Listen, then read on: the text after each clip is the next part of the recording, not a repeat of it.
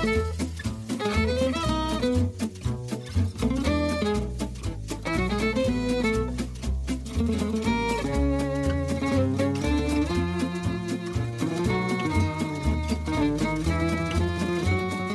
tilbake til Musett, procycling.no sin sykkelpodkast. Vi har en ny høytidig emning. Tour de France er like rundt hjørnet. Eh, Kriterium do Dauphiné er over, og Tour de Suisse er i gang. Eh, og, og favoritten har ladekanonene klar til Torn. Og Theis Magelsen har òg begynt å lade sin kanon. Har du ikke, Theis? Er det lov å si, Knut? Ja, det er litt, litt på kønten, men eh, Ja, Nå må vi ikke bli for gutta her allerede. Men eh, nei, det er sånn som du sier, det er alltid sånn i sykkelsporten. Med en gang du er ferdig med noe, så er det alltid noe annet man begynner å bygge opp mot. Så, så nå er eh, Nå er giroen over, og da begynner man å se fram mot Tour de France. Og det er jo litt det som, eh, som preger sykkelsporten nå. Alt dreier seg om Tour de France. Selv eh, de store rittene som ligger imellom, dreier seg om hvordan folk ser ut før Tour de France. Så eh, ekstremt mye sykling for tiden også. Så det er gøy å være sykkelsupporter for tiden. ja, du hadde noen ganske svette vakter forrige uke, i hvert fall. Det er klart Når det er sånn åtte ritt som går i mål mellom fire og fem en gang, og du skal prøve å få med deg om det skjer noe av interesse i alle sammen, så er det litt eh, Det er litt lite smør som skal bres utover veldig mye brød. Så, men vi, vi klarte å lande på en eller annen måte. Så det er egentlig det som er fordelen med Tour de France, at da sluker det alt annet. Så det er bare Tour de France som skjer. Mm. Men, eh, men nå er det jo, som du sier, Criterium de Dauphiné nettopp ferdig. Uh, Sveits rundt på gang nå, så mm, vi har jo nordmenn begge steder. Og vi kan starte med å snakke direkte på Dauphiné. Første etappe. Eh, Edvald Baasenhagen kliner til med en flott etappeseier i spurt i et redusert felt etter en eh, ja, ganske, ganske hard etappe der Edvald måtte slite seg med å være noen bakker, men eh, makta da og tok en ganske klar seier der. Ja, Det var bra trøkk i Edvald på den etappen der, åpningsetappen i Dauphiné. Han har jo nærmest for vane nå å vinne i, i Dauphiné. Har Hvor mange etappeseiere er det han der nå? Fem stykker, tror jeg. Så han pleier å plukke opp en, en seier der i ny og ne. Så jeg husker jo jeg satt og tenkte at nå har dette er en veldig gyllen sjanse, for det var ikke så mange spurter igjen. Det var liksom Sonny Colbrelli og som nesten var den jeg fryktet mest, men Colbrelli kom jo ikke fram i det hele tatt, så det blei jo og, og The Cunning Quickstep kjørte jo for eh, Gilbert etter at Ala Filip hadde vært litt offensiv, så um, Veldig, veldig bra, og, og en selvtillitsboost for Edvald, tror jeg. Hans uh, første skikkelige seier i, i år, kan vi si det? Ja, det var den første World Tour-seieren på to år, vel. Så Ja, siden Tour de France-seieren i 2017, så, mm. så det er et godt tegn, da, i hvert fall. Um, veldig, veldig solid seier. Ja, ja, altså Motstand var ikke den eh, verste, da, for å si det sånn, men eh, måten han vinner på, er overbevisende, for han starter Han sitter ikke i noen god posisjon om å ut i vinden veldig tidlig, men tar allikevel en overlegen seier. Ja, altså sånn som Gilbert får jo opptrekk, og, og bare det at det var, noe, det var aldri noe tvil om hvem som kom til å ta den seieren der, vi, da vi kom rundt siste svingen, så så jeg tror nok ikke Edvald kommer til å vinne noen massespurt i Tour de France av den grunn, men bare det at han henger med over de bakkene der hvor det ble kjørt ganske hardt, og, og klarer å jobbe seg fram aleine. Han slår jo også Wat van Ert, som jo var veldig god i resten av rittet, så, så at Edvald er i rute, det virker ganske åpenbart. Og den sjukdommen fra Portugal virker å være glemt, så det, vi har liksom har lagt det bak, bak seg, liksom fått bygd en solid base nå før eh, sesongens store mål. Han prøvde seg vel igjen på var det tredje etappe, der han gikk til òg. Ja, var vel der han også ble, var, ble nummer seks eller noe sånt til slutt. Ja. Uh, den som uh, Sam Bennett vant. Så jeg, jeg liker at Edvald prøver, uh, for den Altså, det var jo noen år siden hvor han spurtet veldig bra i Tour de France. hvor han, Den toren hvor Marcel Kittel jo dominerte. Hans siste hurra, kanskje. Det man ikke skal glemme fra den toren, er at han hadde et fantastisk opptrekk fra Janse van Rensburg. Eh, som trakk han i perfekt posisjon nesten hver gang, mens, mens Kittel kom jo fra 30 meter nesten bak Edvald og bare suste forbi. Så, og det opptrekket har ikke, tror jeg, eh, Dimension Data nå. Så jeg tror ikke han skal belage seg på massespurter, selv om ja, Vi får se om Cavendish skal dit, da. Det skal han vel sikkert. Så da vil han prøve seg. Men jeg, jeg, eh, jeg skulle til å si det, det kan bli ganske interessant hvordan lag de sender, da, og konstellasjonene der. For det er jo ing, strengt tatt ingen som veit helt hvor Cavendish står. Og hvis de ikke sender han, så håper jeg at Edvald eh, bare gir F i alle massespurtene. Og så går han skikkelig til for de mellomharde etappene og prøver å komme seg i, i brudd, sånn som han gjorde i 2017, f.eks. Ja, helt enig. Så jeg er nesten der at selv om selv om de tar med Selv om de ikke tar med Cavendish, som de, vel, de kommer vel sannsynligvis til å gjøre det uansett, men hvis han finner ut at han ikke har noen sjanse, så at Edvald skal drive og spurte i første uka Kanskje når sånn Champs-Élysées-spurten og sånt, der har han gjort det bra før. Og det er en litt annen type spurt i siste uka, men jeg er helt enig. Han bør bare ha fullt fokus på liksom det han kan vinne, ikke der han kan komme på topp ti. Så Nei, men det, det, er jo avhengig litt av hva slags lag de sender. Plutselig så kan han jo fortsatt vinne en massespurt. Det skal veldig mye klaffe, spesielt i Tour de France. Men, eh, men gå for uh, gå for, ikke gå for de flateste etappene. Det, det, er det andre som er mye, mye bedre. Apropos, da. Jeg hørte på TV 2 sin Sykkelpodden i dag med Mats Kakestad og Magnus Orre, eh, der Mats Kakestad lanserte ideen om at Edvard skulle gå for grønn trøye. Hvis vi spiller litt videre derfra. Eh, det strider jo veldig imot det vi sa nå, da. Ja, jeg eh. Altså, hvor, lang, hvor mange år har vi sagt det nå? At Edvald er perfekt for grønn trøye? Et, et, rett etter vi slutta, sa han var perfekt for gulltrøye. så hva er det neste nå? Han er for gammel for hvit trøye. Er det klatretrøya? Som er neste steg i karrieren hans? Nei, altså, den, den poengtrøya er det bare å glemme, altså. Det, det, er for mange poeng på de flate etappene nå. Uh, han er ikke like god som Peter Sagan. Uh, Michael Matthews er bedre enn Edvald i, i de flate spurtene. Så Hvorfor, hvorfor drive og slite etter poeng etter poeng for å bli nummer to eller tre i den konkurransen? Eh, jeg, jeg, han må heller fokusere på en ting. Nivået i Tour de France er så høyt at du kan ikke drive og ha åtte forskjellige mål. Du må fokusere på det du kan få til. Og grønn trøye tror jeg Altså Måten han kan vinne det på, er kanskje hvis det faller bort en del folk. Uh, sånn som mm. skjedde da sagaen forsvant. Er det som var grunnen til at han ikke vant uh, igjen. Så nei, jeg syns ikke Edvald bør gjøre det. Vet du hva du tenker? Nei. Nei, jeg er ganske enig. Jeg, med mindre Sagaen tryner på andre dag og går ut av rittet, så tror ikke jeg er noe poeng i det. Ja, det er ikke sant? Du kan ikke, du kan ikke komme til et sykkelritt og kjøre sånn Steven Bradbury-taktikk. Han som vant OL-gull på kortbane på skøyter i Sydney, og taktikken hans var 'Jeg bare holder meg bakerst, så faller alle, og så tar jeg kanskje medalje'. det funker ikke i sykkelsporten, altså. Nei. Så da vil jeg heller Og det, det er litt sånn defensiv tilnærming òg. Hvis du bare skal gå inn og satse på at du kanskje henger med i den grønne trøya, så kan du ta den. Uh, Edvald, uh, når Edvald er offensiv i hodet, sånn som han virker å være nå, i Dauphiné, så blir det ofte en seier eller to også, så jeg, jeg har litt tråd på Edvald nå, altså. Men ikke i den ja, grønne trøya. Altså, han, uh, han, må ta en Thomas de Gent-tilnærming. Bare plukke seg ut noen etapper som er perfekt, og så gå 100% for dem. Hello, I'm Alberto Contador and listen to Mushet. Eh, flere gledelige norske prestasjoner eh, var da i Dauphiné. Eh, fra Carl Fredrik Hagen. Det var i brudd på den andre etappen, blant annet. Gjorde en strålende jobb for Lotto Sodal og Bjørg Lambrecht, som, som vel tok, Han tok den hvite trøya, ikke sant? Jo, jo. stemmer. Og på siste etappe, til Champery, så går Kalle i brudd. Han er meget offensiv på nest siste stigning. Angriper tidlig der. Uh, går med alle angrep som går, men klarer akkurat ikke å henge med Jack Haig og Dylan van Barle.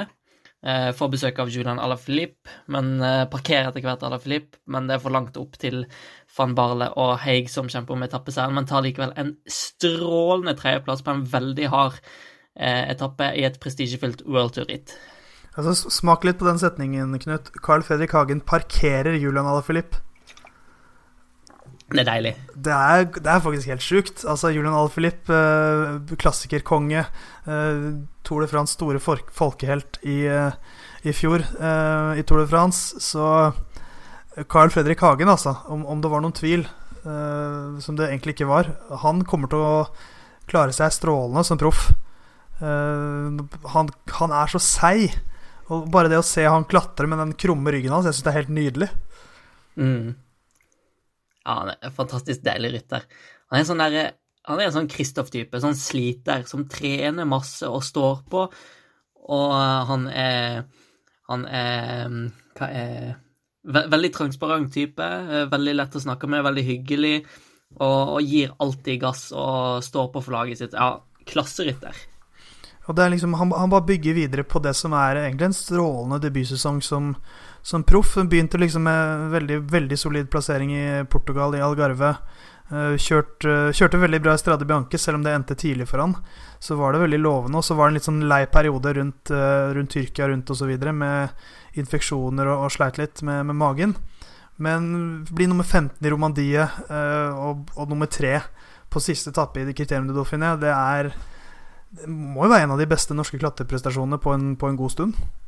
Ja, definitivt. Og bare, altså Ja, han er 27 år. Eh, han, han kommer rett fra kontinivå.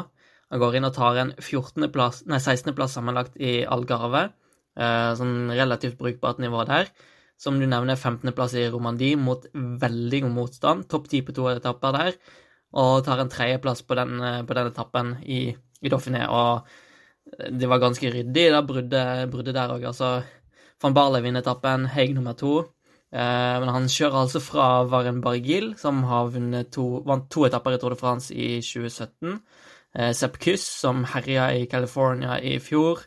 Eh, Sebastian Reichenbach, la Philippe Ja, Ja, og de gutta, Altså, som, de, de gutta som kjører fra han, det er jo også ryttere som er i strålende form. Dylan van Barley har jo aldri sett bedre ut. Og Jack Haig altså han, vel han var topp 20 i Vueltaen i fjor. Nummer fire i Paris-Nice. Så det, det er ingen skam å bli frakjørt av de to. Um, og du, som du nevner, de rytterne han slår også, det, det er en, en helt rå prestasjon. Så han har vel nå en Jeg vil tro han kanskje har NM som sitt neste ritt. Og så kanskje en liten rittpause. Så ja høy, høydeleir i Livigno, vel. ja, så blir det vel fort en Vuelta Spania-tur, tenker jeg. Så de, de må jo Altså, Lotto Sodal må jo like det de ser nå. Han, han jobber jo, Ja, ja. som du sier, han er som fin gutt også. Lo, jobber så lojalt. Og får han sjansen, og så griper han nå. Mm. Ja, jeg, jeg snakket med han på, i går, ja, etter, etter etappen. Han sa at uh, han får utelukkende bare positive signaler fra ledelsen, og det er vel da de har ytra i, i media og til oss blant annet at de er kjempe, kjempefornøyd med han. Han gjør akkurat det han skal, og han er i konstant utvikling. og Det er bare til å se på, på resultatene han leverer, og hvordan han er med på å, å prega rittene. og eh, så, Sånn som vi som har fulgt ham på kontinental, kontinentalnivå, vet, er jo at han blir bedre og bedre utover i ritt. Eh, og igjen eh, viser han her i Dauphiné. Han er med Lamrecht på de to siste etappene, gjør en strålende jobb der. Og tredjeplass på siste etappe. Og å sende han til en Vuelta må jo bare være ideelt. Altså Se for deg den dieselmotoren inn i tredje uka. Det er null stress. Og, og det som, som du sier, vi har fulgt Kalle på kontinivå ganske lenge. Og, og problemet med norske, for norske kontryttere som Kalle har jo lenge vært at de, de får ikke vist uh, kvaliteten sin, de som er som Kalle. Uh, for det er jo så få ritt, i hvert fall på norsk kontiscene, som han virkelig kan skinne i. Så, uh, så nå får han virkelig vist sitt potensial. Den sliteren, den store motoren, den, den, den kapasiteten han har. Og, og vi skal heller ikke glemme at dette er seks måneder inn i hans første proffsesong. Seks måneder, og han har allerede vist så mye. Eh, Til og med hatt en liten sånn kjip periode. Han kunne ha gjort det veldig bra i Tyrkia rundt. Så eh, jeg, jeg bare gleder meg til fortsettelsen, egentlig. Hvert eneste ritt Kalle sykler nå syns jeg er kjempegøy å følge på. Stadig tilbakevendende tema i denne poden, Astana og The Leader of the Gang, Jakob Fugleseng, eh, som tar karrierens andre sammenlagt seier i Kriterium do Dauphiné. Vant i 2017 òg, og gjentok seieren nå. Eh, Og fortsetter å levere i sin beste proffsesong i karrieren. Han, øh, han herjer i år. Jakob Folsang. Han ser jo han ser så Altså, alt han gjør, er så gjennomført Ja. og bunnsolid. det, jeg syns det oser bare selvtillit. Eh, og så har han også litt sånn Han har jo Han er jo ganske lett å se i sykkelfelt, for han har ganske brede skuldre til å være syklist. Så jeg synes, ja, sett litt, sånn- litt sånn oppreist. ja, så han, han er alltid så det, det bare oser så selvtillit av posituren hans også. Men nå sykler han jo på en måte som gjør at han Det, det passer veldig, da. Så altså For å helle litt is i det her, da. I 2017 så var det jo en fantastisk måte han vant Dauphiné på. Siste etappen i år Antiklimaks, eller? Skjedde jo ingenting. Nei, altså, vi fikk jo det norske fokuset. Ja, ja, ja altså, ikke, ikke, ikke for oss norske nordmenn, Nei. men for resten av sykkelverdenen. så er det inntrykket jeg si sitter igjen med, altså, at de syns det var et antiklimaks. Lett, lett å glemme hvor, hvor, hvordan da sammen, den sammendragkampen døde ut, ja. Ja. Eh, eneste som skjedde på siste etappen, var jo at eh, i klatringa opp til Champery så forsøkte Thibaut Pinot eh, med et angrep etter å ha blitt eh, trukket opp av eh, Ja, jeg husker ikke engang hvem det var. Eh, men det var, det, var det var 500 meter av den etappen der det var litt trøkk. Og resten av tida så satt jo Astana bare taua, og spesielt eh, de to siste stigningene så var jo Magnus Kort formidabel, eh, som nå sier han har gått ned et par kilo for å virkelig være skjerpa for å hjelpe Fuglesang i toren. Og han kjører jo som en gud òg. Kjørte kjempebra i Dauphiné og satt og taua lenge på den etappen, eh, før Lutsenko tok over, og Lutsenko markerte jo bare Pinot og holdt oppe tempoet, og så dro de det inn til streken. Så jeg syner Eller var det Magnus Kort som satt og kjørte da Richie Port måtte slippe? Eh, jeg tror det. Ja, det er jo ganske Det sier jo litt om formen til Magnus Kort, men, eh, men eh, altså i 2017 så var det jo Da tok han jo Han klatret jo fra tredjeplass, gikk forbi Froome og Port, og mens, mens i år så var det jo det, det, mest, det mest dramatiske som skjedde på etappen, var jo at Adam Yates sto av. Mm. Og plutselig så økte han ledelsen sin med tolv sekunder, for da var det TJ van Garderen som var nummer to. Så eh, Adam Yates da som sleit med noe magetrø magetrøbbel, visstnok. Jeg tror ikke det skal prege han noe i stor grad inn mot Tour de France. Men eh, Men eh, det var jo fortsatt en En sånn veldig solid Er vel det man kan si, som du sier, bunnsolid. Ja.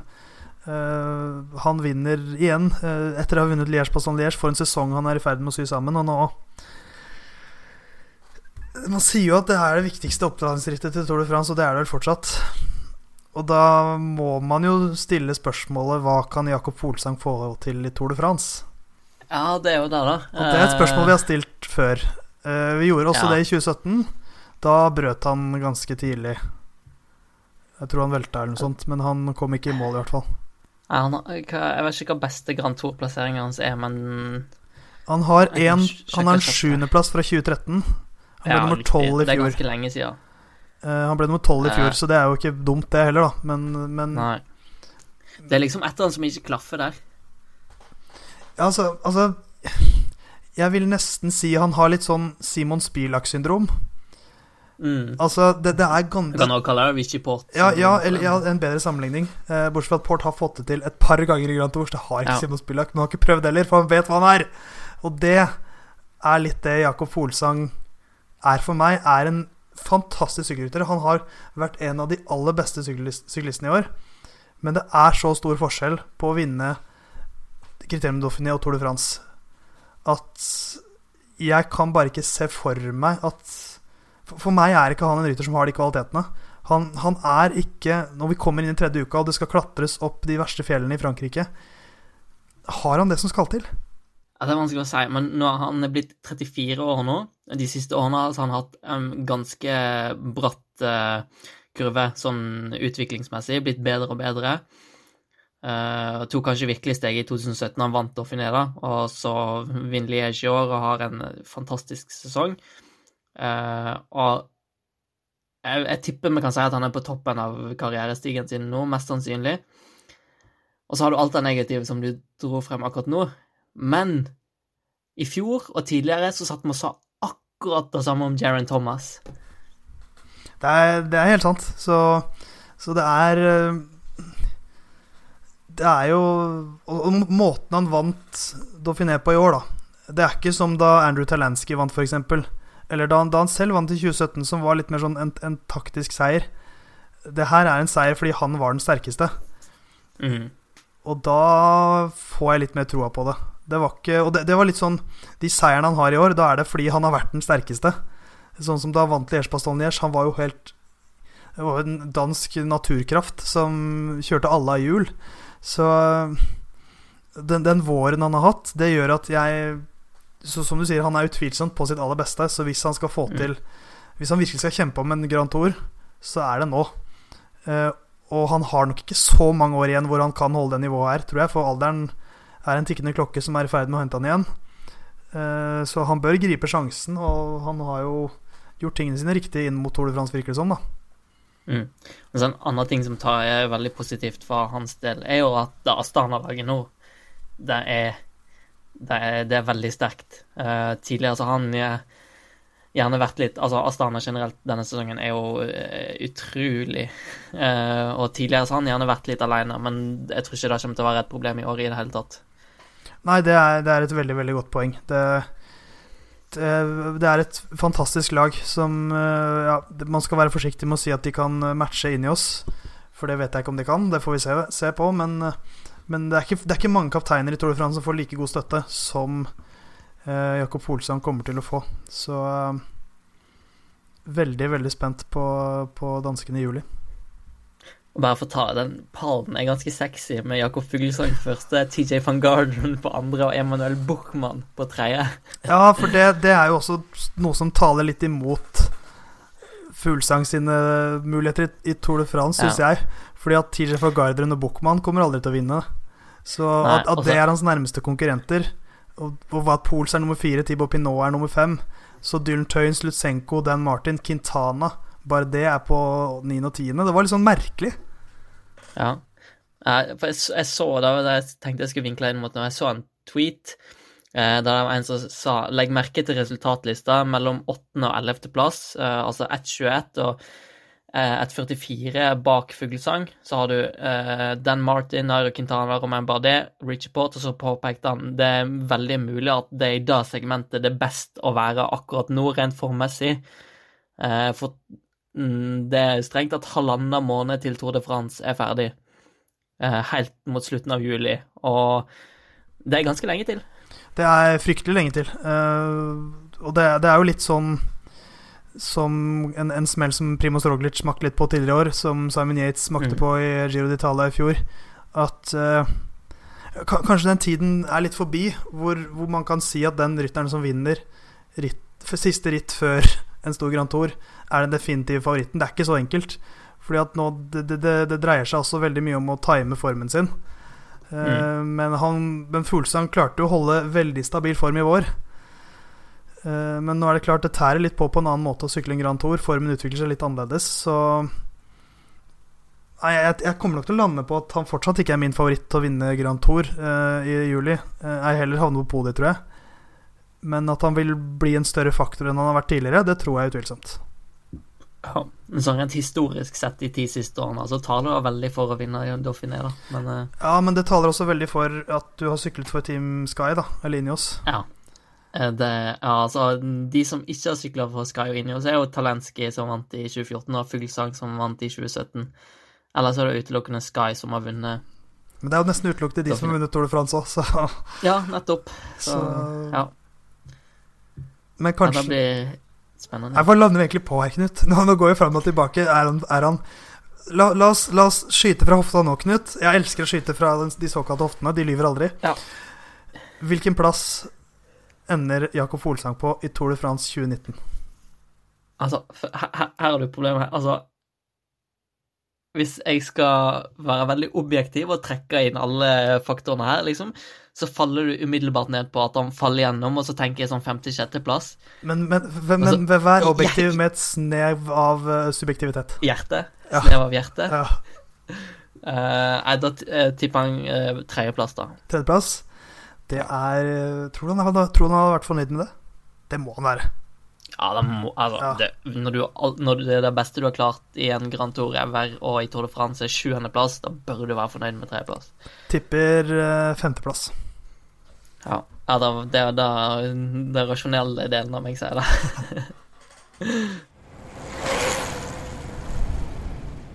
Dauphiné og eh, dynamikken i Tour de France tok en ganske dramatisk vending foran eh, fjerde, fjerde etappe. Var det det tempoet var? Uh, nå spør du godt. Ish. Det var det vel, tror jeg. Ja. Uh, Chris Froome, uh, ute på rekognosering, skal snyte seg, kommer et voldsomt vindkast som sender han inn i en murvegg i 54 km i timen. Uh, og uh, Vi ser ofte stygge velt uh, og folk som har kjørt inn i vegger og det ene og andre. og det går stort sett veldig bra. Overraskende bra.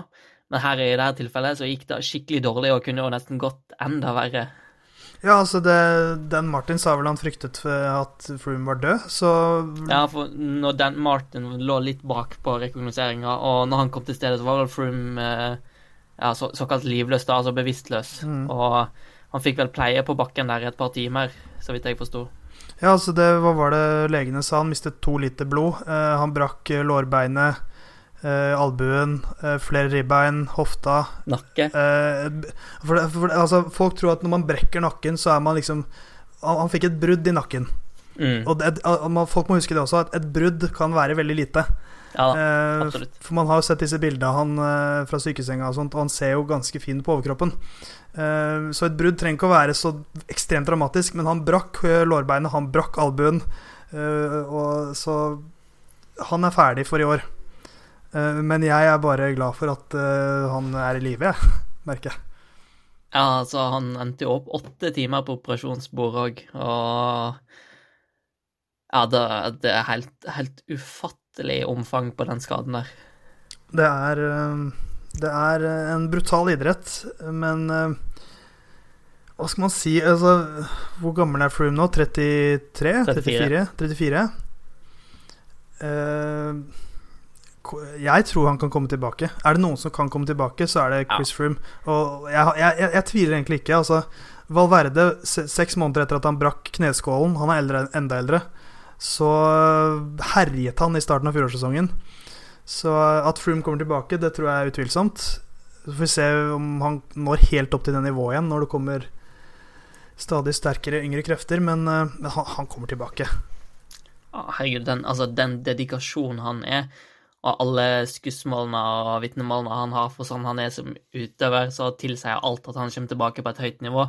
Eh, spørsmålet er om han kommer tilbake på et ekstremt høyt nivå. Og så kan det jo være ting i rek eh, rekonvalesensen som går eh, galt, eh, brudd som ikke heles riktig eller skikkelig, som hemmer han som syklist, da.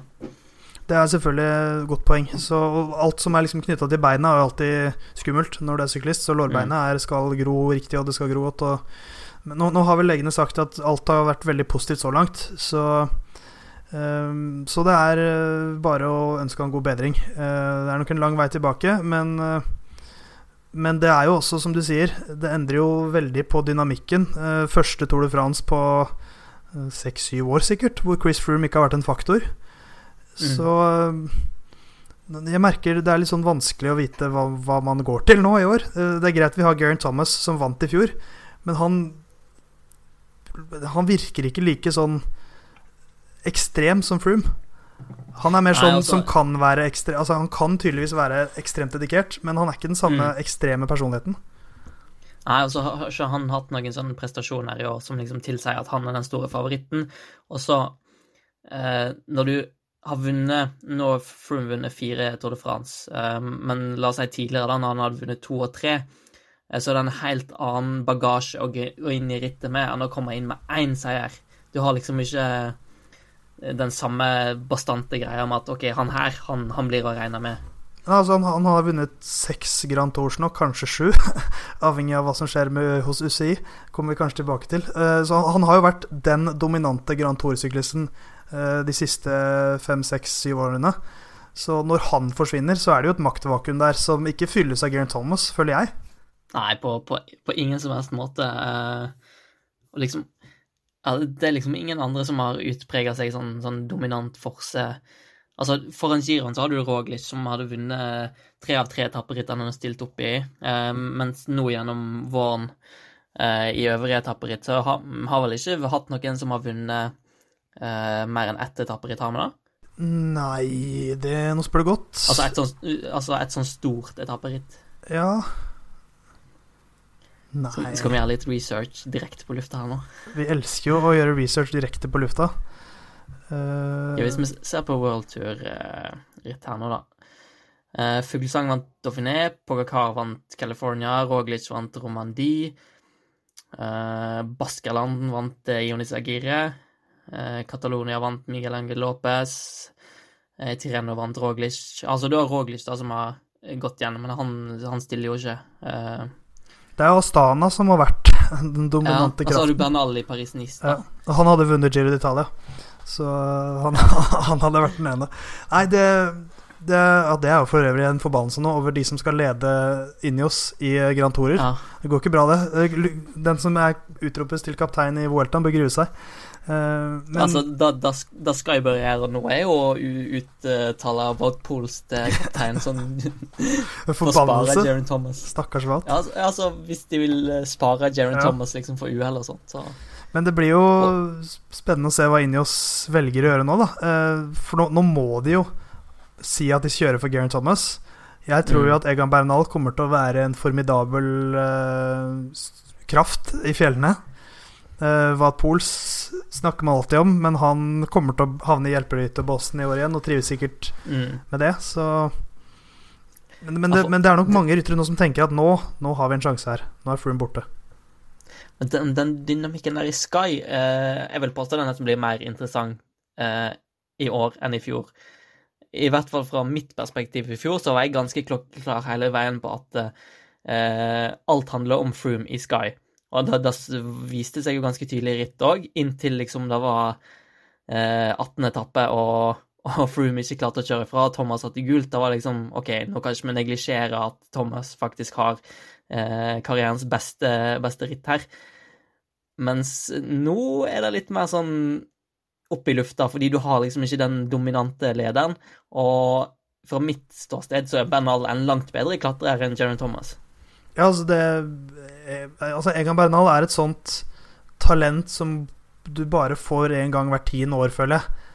Det føler jeg ikke Geraint Thomas er. Han er mer et treningstalent. Så eh, jeg tenker fort vi får en sånn amerikansk kapteinskåring her, hvor den sterkestes rett, rett og slett. At de kanskje sier ut litt sånn respekt for Geraint Thomas også, som har vært med lenge i det laget, og tross alt er olympisk mester osv. Det henger høyt i Storbritannia. Uh, at de sier at han er vår kaptein, men Egan Bernal er ikke noen hjelperytter. Det nekter jeg å tro. Nei da. Jeg håper ikke de sitter og holder han igjen i fjellene. Jeg håper de bare eh, Altså enten instruerer han til å fyre på alle sylindere, eller at han har frie tøyler til å gjøre det. Ja, det, de, for fa faren er jo at det blir sånn som eh, majoriteten av Sky sine Tour de France-triumfer, at de bare sitter og tauer.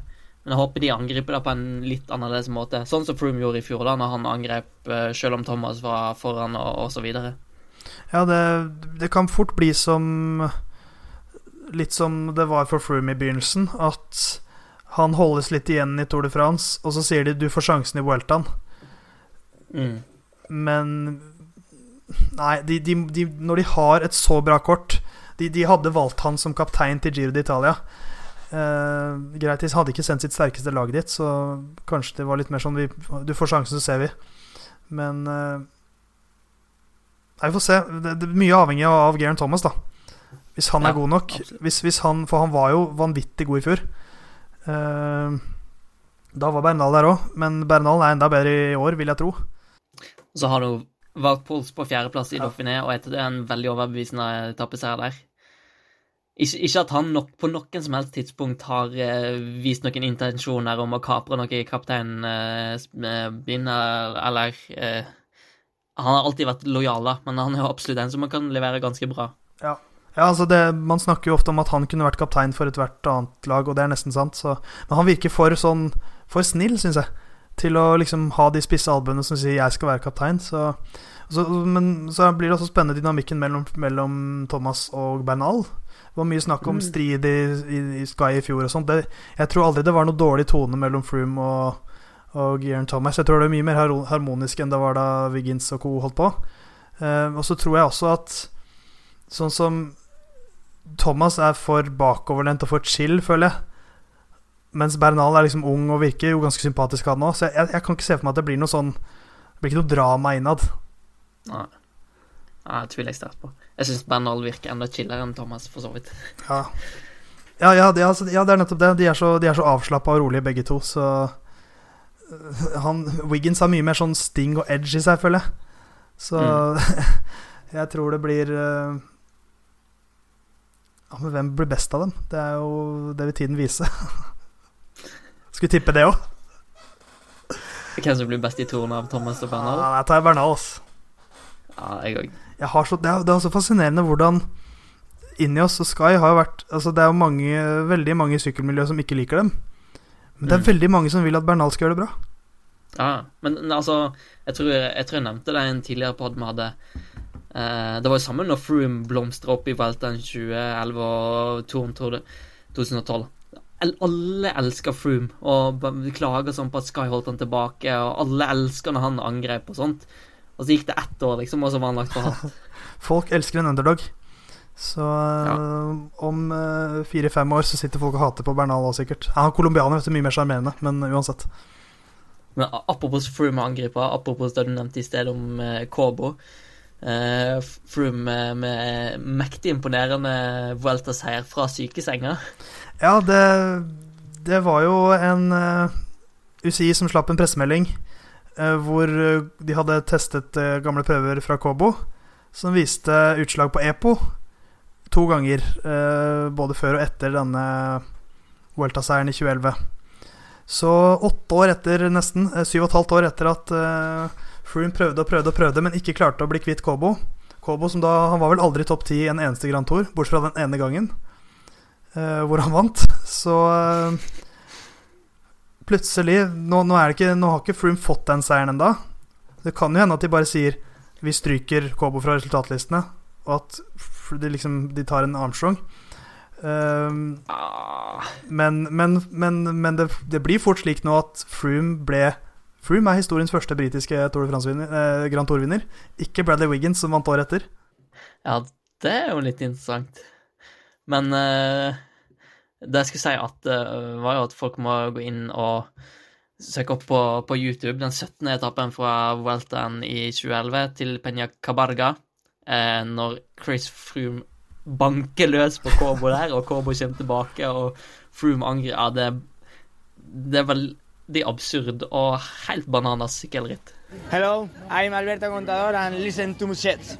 Vi hopper eh, videre til eh, Belgia. Vi må se på litt belgiske prestasjoner. Eh, Wout van Ert klinte til med to etapp- etappeseiere på rappen i Kriterium Dauphiné, og eh, viser seg som en meget allsidig sykkelrytter. Ja, han vant uh, altså det, det mest imponerende er jo hans første seier som Jumbo Visma-syklist, og, og på worldtour-nivå, er en tempo. Eh, på 26 km. Det er ikke noe kort sånn teknisk prolog heller. Det er en, en, en fullverdig tempo på uh, øverste hylle i Criterium de Dauphiné, hvor han vinner med 31 sekunder til TJ van Guideren, 47 sekunder til Tom Dumoulin. Så han var rett og slett i en, i en klasse for seg selv. Uh, helt vanvittig. Og dagen etter, spurt, hvor han slår Sam Bennett og Julian Alaphilippe. Eh, det, det er jo et, et register han har å spille på her, som er få syklister forunt. Ja, det, det Ja. Fantastisk, rett og slett. Eh, og så En ting er å være god på tempo, eh, men måten han vinner den spurten på eh, Det er ikke tilfeldig. Det er bare å se på spurtteknikken hans. Den er helt strøken. Han er rett i overkroppen, stiv i overkroppen. Spurter rett ned, spurter rett frem. Eh, og ja, som du sier, han slår Sam Bennett, liksom. Det Ja, det er så Det er rått. Det, han, bare, han bare bekrefter det som vi på en måte har visst veldig lenge. Men jeg visste ikke at han var så god på tempo. Eh, så, så har man jo tenkt litt, og så er det sånn Det de gjør i cyclocross, er jo egentlig bare å kjøre bånn gass i en time. Så det der med å kjøre liksom jevnt tempo, det er jo litt det de gjør i cyclocross. Eh, og, og Jumbo Visma, et lag som har jobbet mye med, med tempo osv. de siste årene, med Primoz Roglic og, og Steven Krausveik òg, for øvrig. Så eh, Nei, han eh, Og nå skal han til Tour de France også. Eh, Jeg er veldig spent på hvordan de bruker han der. Om han får lov til å realisere seg selv, eller om han blir eh, De kan ikke bruke Wat van Ert som hjelpeuttrykk. Han skal sikkert inn i opptrekket til Grønneveggen et sted, men han må jo få sine sjanser. Jeg tipper han eh, får, får sine sjanser. Og laget er jo lagt litt opp sånn òg. Eh, det er todelt. Eh, og han kan ikke sitte i, igjen i siste fjell med, med Krausveik, liksom. Så De har tatt ut et sånt lag som jeg ville gjort på Pro Cycling Manager. Som Ja. er sånn Jeg skal vinne alle etappene. uh, og det går, det går kanskje på Pro Cycling Manager, men jeg er spent på hvordan det laget fungerer i praksis. For toppnivået til alle de rytterne der er jo helt enormt. Men uh, Wout van Aert er jo ikke noen hjelperytter. Det er klart han kommer til å få sjansene sine. Men uh, Nei, han er, han er jo bare så fantastisk. Det gøy at vi får se han i Tour de France allerede. Det var vel ikke helt planlagt, er mitt inntrykk. Nei, jeg tror ikke det. Et, eh, han skrev vel òg på Instagram at det var en sjanse han ikke kunne legge fra seg. Så det blir spennende å se disse cyclocross-gutta. Nå har jo eh, Mathieu van der Poel sagt at han skal til VM i Yorkshire. Dit skal jo ikke Watt van Ert, men vi får se han i Tour de France i hvert fall. Så de, de fristes mer og mer av landeveien. Det er tydelig, det. Eh, Anna belgiser, eh, som gjør sine saker veldig bra. Remco Evenepool, som 19 år og 200 dager ish gammel, vel, eh, vinner Belgia rundt. Ja, Er det nå vi skal si at gutten har blitt en mann? Eh, han har i hvert fall eh, blitt eh, nådd, nådd et, et punkt i karrieren sin hvor han allerede har tatt en proffseier. Og ikke bare en hvilken som helst. Han, han vinner jo Belgias største tapperitt. Eh, altså det, det er Belgia rundt han vinner, som belgisk syklist. Det er, det er jo enormt. Og, og han vinner, han vinner Måten han tar den første seieren sin på, hvor han kjører fra feltet, eh, så ender han jo i brudd sammen med Victor Campenertz som er en tempomaskin, altså dobbel europamester, eh, timesrekordholder. Eh, og han sliter med å holde hjulet hans. Det var noen av uttalelsene hans etter, etter eh, Altså, Campenertz veltet jo, og Evenepool kjørte solo derfra inn. Men han økte jo til feltet, så han kjørte jo som en, en vill ulv. Men, men sett i målgang sa jo at nå skjønner jeg hvordan det var å være juniorrytter i, i fjor. Uh, og han trodde ikke han hadde klart å følge han uansett. Og når Kampenært sier det, så sier det litt om hvor mye trøkk det er i den tenåringen der, altså. Ja, det er altså Han eh, eh, har jo de siste, den siste måneden eh, vist ganske store eh, Eller ganske klare tegn på storhet. Um, og han var jo frisk og offensiv i, i Hammer Stavanger først. Eh, gjorde en del bra ting i Tour of Norway òg, eh, der han viste seg litt frem. Og så eh, sørga han for at Quickstep vant eh, Hammer Limburg omtrent. Jeg skal bare se Ja, jeg fant det her nå. Um, eh, for Hammer og Velon de publiserer jo litt tall fra de rittene. Og det var vel var det Hammer Climb, der han gikk solo. Ja, i Limburg. Ja, han gikk solo ganske tidlig, og sykla solo i om, omtrent halvannen time. Eh, og de tallene de publiserte eh, Nå går jeg ut ifra vekta som står på Pro Cycling Stats, da, men det er sånn eh, Feilmarginen er ikke så stor. Det er en 60 kilo. Sykla halvannen time alene. Eh, 5,4 watt per kilo i snitt i omtrent halvannen time. Hvis du tar normalized, så er det 6 watt per kilo i halvannen time. Altså for, eh, for folk som ikke er helt innvidd på vatt og sånt, det er helt spinnvilt. Altså, sjukehusgalskap. Ja, altså, jeg, jeg sa at Bernal er et sånt talent som kommer en gang hvert tiende år. Her tror jeg vi har to stykker. Uh, Ja, jeg tror nesten vi kan si hvert hundrede år på Evenepool, ja, altså det Det er uhørt, nesten. Det er nesten uhørt at, at en 19-åring skal vinne Belgia rundt. Uh, han slår Altså, han kjører fra Tim Wellens. Han Det er altså, Det er slitt med å finne ord, fordi at det er, han er født Han er født i år 2000. Bare det er sjukt i seg Ja. selv. At, at er liksom altså, han, når han vant eh, EM i fjor, så gikk han solo og vant med ti minutter.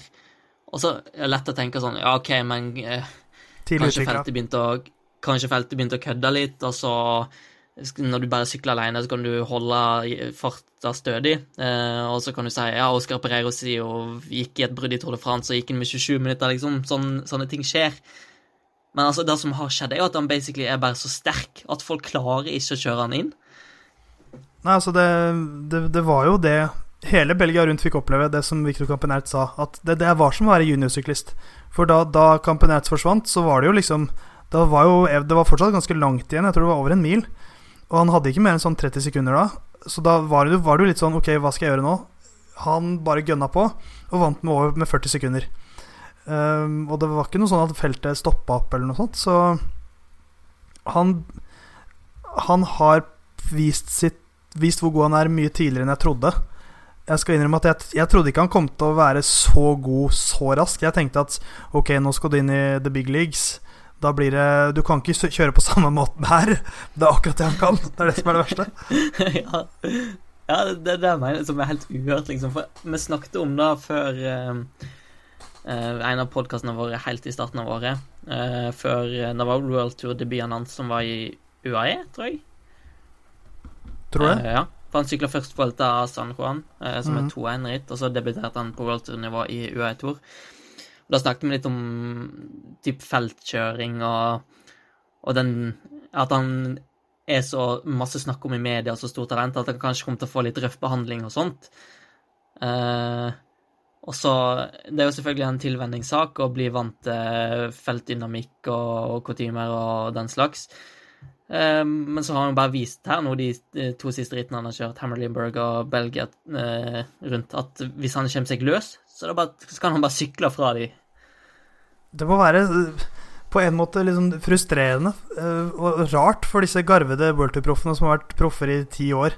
Så bare kommer det en 19-åring og bare kjører fra deg. Det må være litt sånn nesten, nesten så jeg hadde lagt opp på dagen.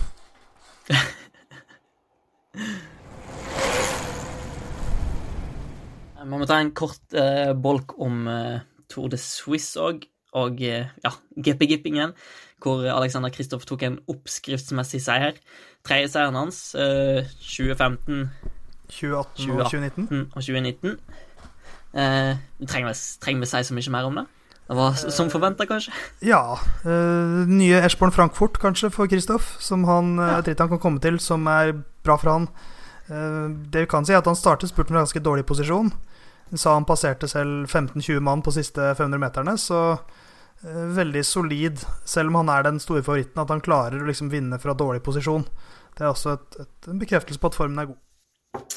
Eh, og så er han òg i gang i Sveits, som nevnt. Eh, første etappen var tempoetappe vunnet av Rohan Dennis. Andre etappen i går, søndag, eh, var en ganske Ja, i går. eh, søndag, i hvert fall. Eh, var en ganske kupert etappe, eh, som endte med soloseier til Luis Leon Sanchez. Eh, og så var det første skikkelig spurtetappe i dag, da. Det var det. Ehm, litt sånn spesiell avslutning med en kort brosteinsbakke på 200 meter før det var flatt de siste 50 meterne ca. og en 90 graders sving inn i denne brosteinsbakken også, så og, en ekstrafaktor til høyre i denne brosteinsbakken, så var det en meter kanskje med asfalt. Så posisjoneringen var jo alfa omega i denne finalen, og da er det kanskje ingen overraskelse at Peter Sagan vant. Uh, frekk som han er, stjal eh, opptrekkeren til eh, John Degenkolb og var overlegen i siste bakken. Mens Kristoff kom inn i svingen som ellevtemann, og kom i mål som ellevtemann. Uh, kan jo nevne at Daniel Holgaard var eh, inn i svingen som 13. mann. Han ble nummer 10. Men, eh, men den spurten var tapt. Hvis du ikke var topp tre inn i bakken, så eh, Så var det vanskelig for Kristoff, og det var vanskelig, for han hadde ikke så mye hjelp. Og en av få sjanser òg også i det her. Og så planen her var jo egentlig at Fernando Gaviria skulle sykle, og at de skulle få terpa opptrekket frem mot Tour de France. Eh, Men Gaviria sliter med kneet sitt fortsatt, som gjorde at han sto av på den sjuende etappen i Giro d'Italia. Og han skal ikke sykle til Slovenia, som starter på Det starter Ja. starter 19., gjør det. Onsdag. Ja, det er onsdag. Eh, og eh, Ja, ja. Det er jo ikke noe colombiansk mesterskap heller, som han kan sykle, for det er i januar. Som helt, ingen som helt vet hva som skjer med han. Eh, og ikke så godt lag rundt Alex her for å terpe noe som helst som heter spurt, egentlig. Eh, så ja. Nei, hva skal man si? Eh, det er, det er et, et eneste stort spørsmålstegn. Han er vel nå Han har reist tilbake til Colombia, er i trening. Men hvis han skal til Tour de France, så er det da sju uker siden forrige sykkelritt han syklet. Eh, som var da han sto av Giro d'Italia på den syvende etappen. Eh, han har ikke vært strålende i år. Han, vant, han begynte veldig bra, vant i to etapper i San Juan. Vant én etappe i UAE-tour, to andreplasser etter tre strålende opptrekk fra Kristoff.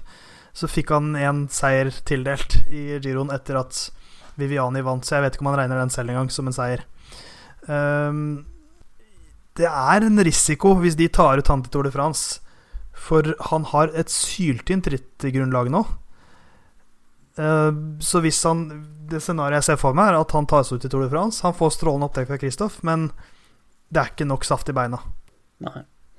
Og eh, Vi så i fjor at han fikk problemer ganske tidlig. Han holdt jo ikke hele, hele veien. Da hadde han to etappeseire eh, som han hadde innkassert, som han kunne ta med seg hjem, da. Eh, men sånn som rittgrunnlaget hans er i år, eh, så har han liksom ikke fått bygd videre på det han skulle bygge videre fra Toren i fjor, med å bli eh, mer utholden og, tåle den belastninga Toren gir, da. Sånn sannsynligheten for at det du sa nå skjer, er jo stor, og sannsynligheten for at det samme som skjedde i fjor når de kommer til fjellene, er jo betydelig større. Ja, da, da er spørsmålet i UAE at fordi de, har jo, de har jo litt så mye Visma også. De har med Dan Martin, eh, og mye av laget skal bygges rundt han også. Eh, har de råd til å da ta med en Ok, deres klart raskeste mann når han er i form. Men hvis han ikke er i form, så, ryk, så, så rot, kaster de jo bort en plass som kunne gått til en mer robust rytter, som kunne kanskje hjulpet begge to. Altså både, Ja, det- det både sånn- spurtene og i fjellene, kanskje. Det er litt sånn samme med Dimension Data, da, uten at de har samme bredden som UAE. Men skal de ta med Cavendish bare for at han skal Altså bare ta han med på CV-en hans, da, basically, og så går det åt skogen tvert. Ja, det er jo, det er jo litt, litt lignende. Eh, Så er jo Cavendish kanskje mer over toppen enn en Gaviria, Ja. men også kan man jo det er, jo noen ryttere som er veldig gode til å finne formen sin på trening. Eh, Simon Yates er en. Michael Matthews begynner ofte i veldig god form. Eh, så det, Mm. det er jo ikke gitt at at han må ha ritt. At han kan finne litt et par dager, og så finner han toppformen, liksom. Det, det er ikke umulig, det. Så, og de har jo en mye større innsikt, UAE, i, i Gaviria sin hverdag enn det vi har, selvfølgelig. Så eh, det kan godt hende at han har fått trent godt nå et par uker og føler seg At han, at han fortsatt da For det, skal sies, Gaviria trenger ikke å være i toppform for å være en, bedre, en raskere spurter enn Kristoff.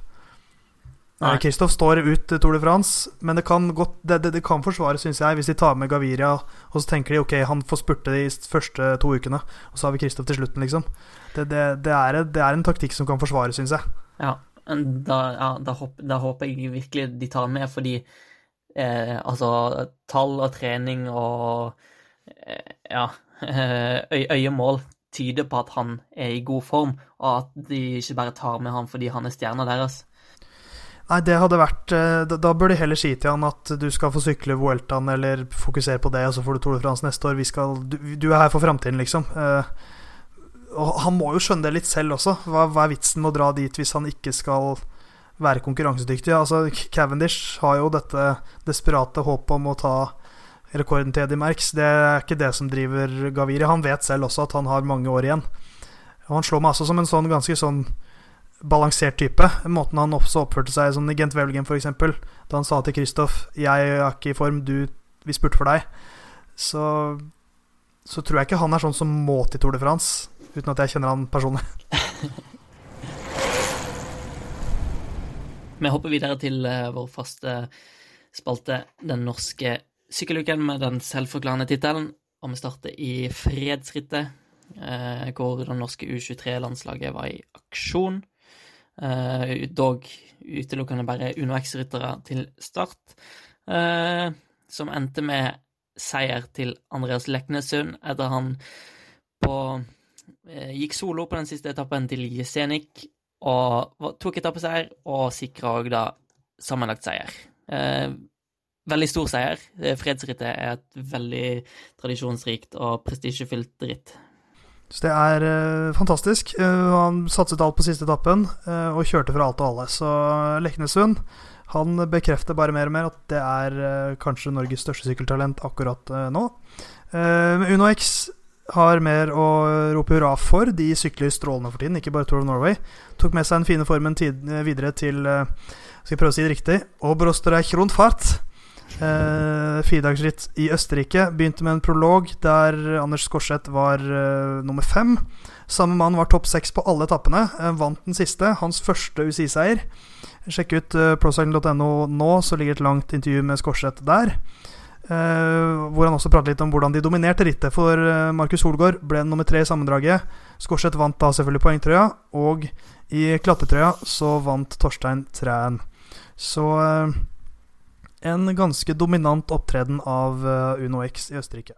Eh, Joker Fuel of Norway gjorde òg sine saker eh, bra når de sykla Ronde de Loise. Eh, har jo vunnet der rittet flere ganger. Eh, Vegard Breen har vunnet. Eh, Henrik Evensen vant i fjor, så de hadde litt å forsvare i år, da. Eh, og Bjørn Tore Hoem grep tøylene på den første etappen og ble nummer to der, og endte til slutt som nummer tre i rittet. Så gode prestasjoner der. Fikk òg Ludvig Holstad på ellevteplass. Eh, to ryttere som ikke var i Tour of Norway, hvor Joker kanskje bomma litt med laguttaket sitt. Ble et litt hardere ritt enn forventa der, men eh, de gutta viser i hvert fall at de er i form. Så det blir spennende mot NM. Det kan vi også si om eh, en del av rytterne som var i Ungarn rundt. Eh, som var jo da et, eh, et, fryktelig varmt ritt. Det var over 30 grader alle dagene der. Eh, August Jensen syklet veldig bra for Israel Cycling Academy. Eh, ble nummer fire på prologen, topp ti på to etapper ellers, og var den siste hjelperen til eh, sammenlagtvinner Chris Nylands i fjellene. Så August kjørte, kjørte veldig bra. Uh, Coop var også med der. Uh, Louis Bendiksen. Han er ikke uh, norsk, men han sykler for et norsk lag, uh, vår danske venn. Han var veldig bra med, holdt på å vinne poengtrøya, den røyk på siste etappe. men ble nummer to på én etappe så, og var langt framme på, på, en del av dagene der. Mens Trond Håkon Tronsen også kjørte veldig bra med to topp fem-plasseringer. Så Coop klarte seg ganske bra i varmen. Og apropos gode prestasjoner i Ungarn, skyter inn vår eh, stuntreporter Simon Nesle på ferie i Ungarn. Han kasta seg inn som reporter og overraska August Jensen etter denne etappen med intervju. Så kudos til Simon jeg, jeg, skjønner for så vidt at han ble litt overrasket når August Jensen triller i mål etter å ha veltet faktisk på, mot slutten i Estergom. Så aner fred ingen fare, så plutselig står det en skjeggete fyr fra Vestlandet der. Så det kan skremme enhver. fra Tasta. Um, Tasta ja. Så mange som leverte i Ungarn. uh, I Women's Tour, som vel er kanskje det største kvinnerittet for øyeblikket, eh, var òg eh, Katrine Aalerud i aksjon, men gikk ned i en veldig stor velt på, på den andre etappen. Tredje. Tredje. Eh, og røyk ut der med en liten skade. Ja, det var vel Hun, hun sa vel at skuldra sa pop. Så mulig skuldra poppet ut av, av ledd. Ikke fått helt etablert helt hva omfanget av den skaden ble til slutt, men Aalerud uheldig igjen, da. For hun virker å være i ganske bra form, så nå er det jo ikke så lenge til Giro Rosa. Eh, så jeg håper ikke at det er noe svære greier. For hun så veldig bra ut i Bira, eh, spanske worldtourittet, hvor hun ble nummer syv. Så jeg håper ikke det er noe som ødelegger for mye. Og så eh, må man nevne at eh, Hightech Products vant eh, en touritt i Nederland. Eh, et av de mer rare navnene vi har sett i år, kanskje, men de skal prøve seg på uttalen her, i hvert fall. Jeg aner ikke hva jeg er i ferd med å si nå, men jeg skal prøve. Salverda omlopvande van de Ishel Delta. Tror jeg. Høres, høres eh, greit ut, i hvert fall. Vi går for det. Uh, uansett, uh, fin seier for uh, Tagliaferro og Hightech. Hello, I'm Alberto Contador and listen to Muchet. En uh, lang og pratsom podkast, Knut, drar seg mot slutten, men vi skal dele ut litt ros og ris til slutt. Vi skal ha et rødt startnummer som skal ut. Det er det jeg som skal dele ut. Så da tenkte jeg at du først skulle få dele ut uh, den røde lanternen, Knut, som går til noen, noe eller et eller annet som fortjener det. Ja, uh, og jeg skal jo komme med skikkelig breaking news her. Grunnristen av nyheter. Uh, og det er jo da at 2019 er en konspirasjon, for vi lever faktisk i steinalderen, viser det seg. Fordi når Odd Christian Eiking eh, sliter i kriterium Dauphiné. Eh, ProSignal.no-redaksjonen stiller spørsmålstegn ved det, kikker på resultatlistene, her er noe som ikke stemmer. Slår på tråden til Odd Christian Eiking, eh, Magnus Drivenes som slår på tråden der, og snakker med Odd Christian, som kan berette at han er sjuk, men har fått klare instrukser fra Vanti Group Gobert. Eller de heter kanskje ikke Vanti Group Gobert lenger? Vanti Gobert, bare. Vanti Gobert, bare nå. Eh, han har fått klare instrukser om at hvis han skal sykle Tour de France, så er han nødt til å fullføre kriteriene Louis Dauphiné, selv om han er sjuk. Eh, jeg, blir, jeg, blir, litt målløs, jeg.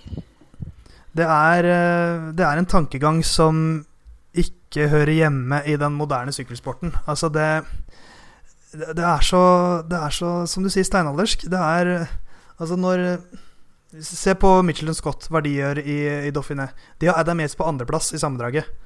Han er dårlig i magen, står av siste etappe, for de vet at ok, Tour de France er viktigst. Da gidder ikke vi å presse deg gjennom det her for at du skal gå helt i kjelleren. Så den der, Og så kan man si at ok, de gjør det bare for å spille tøffe og sånn, men altså, hva slags oppførsel er det òg? Å drive og, og tvinge ryttere bare for at du skal sette et eksempel? Og det Nei, det så, så syns jeg det er fint at Eiking tør å melde litt tilbake og si at jeg håper de er fornuftige nok. Jeg ser ikke helt hvem de skal ta ut hvis de ikke tar ut meg. Eh, for han, her, han er jo Hvis man ser på laget til Vanti, så er det ikke mange ryttere der som, som kan få til å vinne en Tour de France-etappe. Han er jo faktisk en av dem. Eh, så de, de, har ikke, de, har ikke, sju mann som er bedre enn Christian Eiking. Ja, liksom, altså Det laget de har, er mye av det samme laget de har hatt uh, de, de, siste årene. Uh, og de får uh, Hvor mange år er det de har fått valgkart til Tolv Fransen nå? Tre-fire år på rad, kanskje? Ja, minst. Ok, og, og, hvis jeg spør deg, husker du noe av det Vantigrup eller Vantigobert har gjort de siste årene? Guillaume Martin, da. Ja, altså, Guillaume som, liksom ikke, som, ne, som, nesten når opp i fjellene. Det er det eneste mm. jeg kan si at jeg husker. Og, og litt, uh, litt sånn har... fransk helt. Litt sånn uh, Ja, fransk underdog, da. Men så har du sånn eh, Andrea Pascalon og Dupont, som har vært sånn topp ti på enkelte spurtetapper. Eh, men basically Altså, oss nordmenn hadde ikke lagt merke til de hadde ikke vært for Tour de France-manager, fordi de er en billig spurter som sanker jevnt uh, jevnt og trutt poeng. Og så har du i fjor så hadde du Guillaume van Keilsbuk som var, var, en del i brudd. Eh, Johan og Fredo har vært en del i brudd. Ja, og Fredo, ja. Eh, det er jo, så... altså, de går i sånne tullete TV-brudd. Eh, får masse TV-tid, men, men, de har, får ingen resultater. Og Eiking har jo klart og tydelig vist at han er en som kan få resultater. Og de stedene du kan hente resultater, er jo gjerne på mellomharde etapper eh, gjerne litt ute i rittet, eller, eller fjelletapper. Og Eiking er jo en av få eh, Det er han og Martin som kan klatre skikkelig på det laget. Og han er en av, kanskje en av to som kan få et resultat. For de, de etappene du kan få resultater på når du skal satse på gøybrudd, er de mellomharde etappene. Da har en av få som har kapasiteten til å gjøre det. Ja, det, det, du ser på disse pro-konti-lagene som virkelig gjør seg bemerket i en Grand Tour, det er de som tar med ryttere med, med spisskompetanse. Mm. Eh, og det har Eiking. Eh, han sto opp på den syvende etappen. Dagen etter eh, så startet ikke Thomas Degas eh, og Fabien Dobby. Han brøt. Og hvis, hvis, hvis, de to er med, og Eiking ikke er med, da, skjønner jeg ikke hva de tenker. For da, da er det er tre ryttere som har stått av uh, Dauphiné, og to av dem har kommer aldri til å være i nærheten av å vinne en Tour de France-etappe. Uh, Eiking den tredje kan fort gjøre det. Vi går over til uh, listige saker. Uh, og jeg har hørt uh, heard it on the grapevine at vi skal, at vi skal i, i dyreriket i dag. Ja, eh, sykkelsporten er en dyrisk idrett. Du ser ofte hester og sånn som spurter bort fra helikoptrene eh, når de filmer eh, hovedfeltet sykle gjennom. Vi har til og med sett reinsdyr eh, langs Arctic Race-rutene. Men eh, nå skal vi prate om mitt favorittdyr, nemlig katt. Eh, for Og min, mitt røde startnummer, det går ikke til en katt, men det går til en fyr som har vist en sånn herlig menneskelighet, syns jeg som, eh, som jeg syns var fint å, si, eh, å, å, se. Nicolo Bonifazio har vi pratet om tidligere i år. Eh, husker jo han kjørte som en gærning ned fra Cipressa i, i Milano San Remo. Men det viser seg at han er en gærning med et hjerte av gull. For, for jeg tror det er et par uker siden nå, så så jeg på Instagram-profilen til Nicolo Bonifazio, hvor han var ute på treningstur. Og eh, han sto og lette etter et eller annet i en busk. Og den neste videoen han la ut, var at han syklet hjemover med en liten pusekatt i hånda. En liten kattunge som eh, sikkert har blitt forlatt av eh, noen eller noe. Eh, og han, han skulle ikke bare liksom, ta den med seg for å ta den med seg, han har adoptert den. Så det er nå hans katt. Så hvis du går inn på Instagram-profilen til Nicola Bonifazio nå, eller bare følger han, så vil du garantert etter hvert se en søt liten sort og hvit katt som han tar seg av, og som er hans husdyr nå. Så min, eh, mitt røde startnummer går rett og slett til Nicole Bonifazio, fordi at han tar seg av kattunger. Og sånne folk, de må vi også ta vare på. Eh, sånn utenom eh, Cecilie Utrup Ludvig og Bauke Mollema, så kro har kronisk hyllest i vår podkast, så tror jeg Bonifacio er den første som har fått eh, rødt startnummer to ganger nå. For jeg tror Simon gav han for den eh, Sanremo-utforkjøringa si. Ja, det kan, eh, det, det kan faktisk hende. Eh, Så Bonifacio, han, eh, han er kar jeg blir mer og mer glad i. Mm, Så Nei, jeg er jo, jeg er jo et kattemenneske selv, så at han, han viser seg å være samme alen, det liker jeg veldig godt. Så, og, og folk som kaster fra seg kattunger eller sånt i, i veie, det har jeg ingenting til overs for. Så da er det godt å se at noen tar seg av disse firbeinte krabatene. Og jeg kan jo da avsløre at jeg er en hundefyr, eh, så da tror jeg kanskje vi skal begynne å avslutte den podkasten her, eller? Jeg liker, jeg liker hunder òg. Jeg, jeg er glad i dyr. Så hadde det vært en valp, så hadde han fortsatt fått uh, rødt startnummer. Ja. Det er bra. Uh, men uh, til glede for oss, så kan jo lytterne våre gjøre oss en liten tjeneste, kan de ikke det, Theis?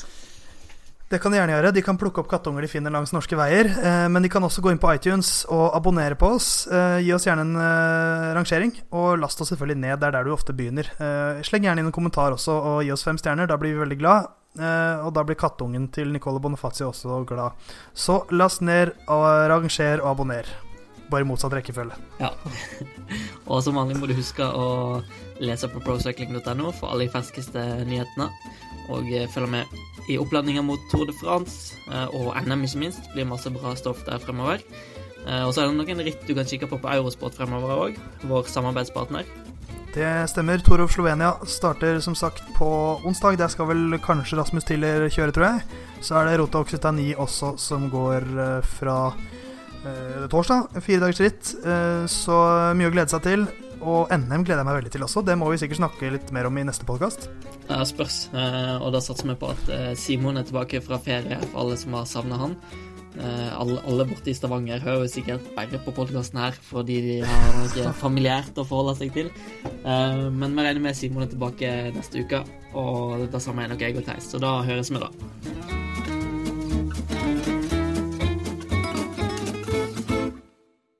Så er spørsmålet om vi skal gå fra van Ert til Remco. Belgia til Belgia. Ja, det er egentlig fint. To, bel to belgisere som uh, herjer. Ja, den nye belgiske vinen. Belgisk vin høres ikke Ja. godt ut, egentlig. Ja, det høres faktisk helt grusomt ut. Belgisk øl, da snakker vi, men her belgisk, lokal belgisk vin. Åh. Surt. Åh.